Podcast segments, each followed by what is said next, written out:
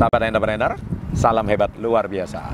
Kali ini saya akan membahas tentang empat teknik yang sudah terbukti untuk tetap fokus meskipun banyak sekali gangguan.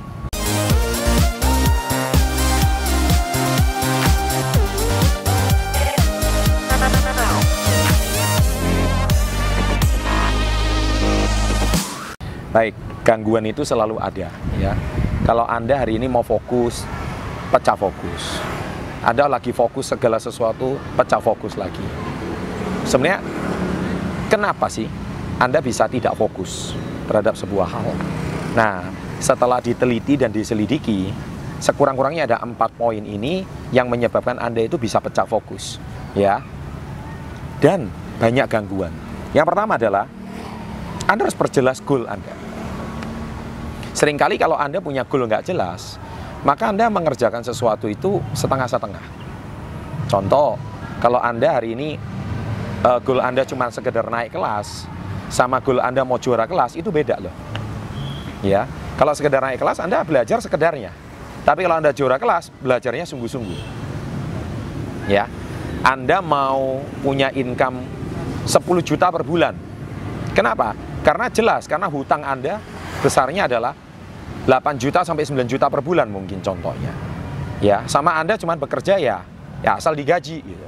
Yang penting ya capai target. Kalau nggak capai target ya udah gitu. Nah, itu beda banget.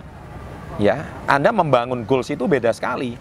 Ya, kerjanya pun beda. Akhirnya ketika ada gangguan, mudah sekali rentan Anda pecah fokus. Jelas ya? Nah, yang kedua, tahu fokusmu dan akhirnya di breakdown. Nah, saya sangat merekomendasikan Anda video ini. Uh, poin kedua ini di video saya, bagaimana membuat target yang pasti tercapai. Jadi Anda harus membuat goal, fokusnya apa, kemudian dipecah-pecah. Setelah Anda bisa mencapai uh, pecahan yang paling kecil, nih saya Anda akan uh, berhasil mencapai goals yang Anda inginkan. Ya, jadi sebesar apa pun goals itu, Anda akan bisa dipecah sampai kecil dan nih saya pecahan yang paling kecil tersebut akan membuat Anda hari ini bisa mencapai goal yang Anda inginkan. Yang ketiga adalah temukan passionmu. Ya, saya sering bilang passion, passion, passion. Passion itu gairah, hobimu, hobi yang Anda lakukan berulang-ulang. Contoh, kalau dulu waktu saya semasa kecil, saya hobi banget basket. Ya, kadang kalau basket sudah lupa waktu, lupa makan, ya sampai lupa pelajaran, ya sampai akhirnya diomelin orang tua, ya. Nah itu passion. Kita bicara passion sesuatu yang kita bicara hobi. Kalau sudah sampai seperti itu, akhirnya Anda menemukan passion Anda. Ya. Kalau Anda mau sukses, satu, temukan hobi Anda menjadi passion dan akhirnya dibayar pula. Nah, itulah saya yakin Anda pasti sukses. Kalau ada Anda bisa menemukan hobi Anda atau passion Anda. Dan yang terakhir, yang keempat adalah hindari pencuri waktu. Ya. Nah, ini gangguan yang keempat. Pencuri waktu itu adalah contoh seperti Anda itu nonton sinetron.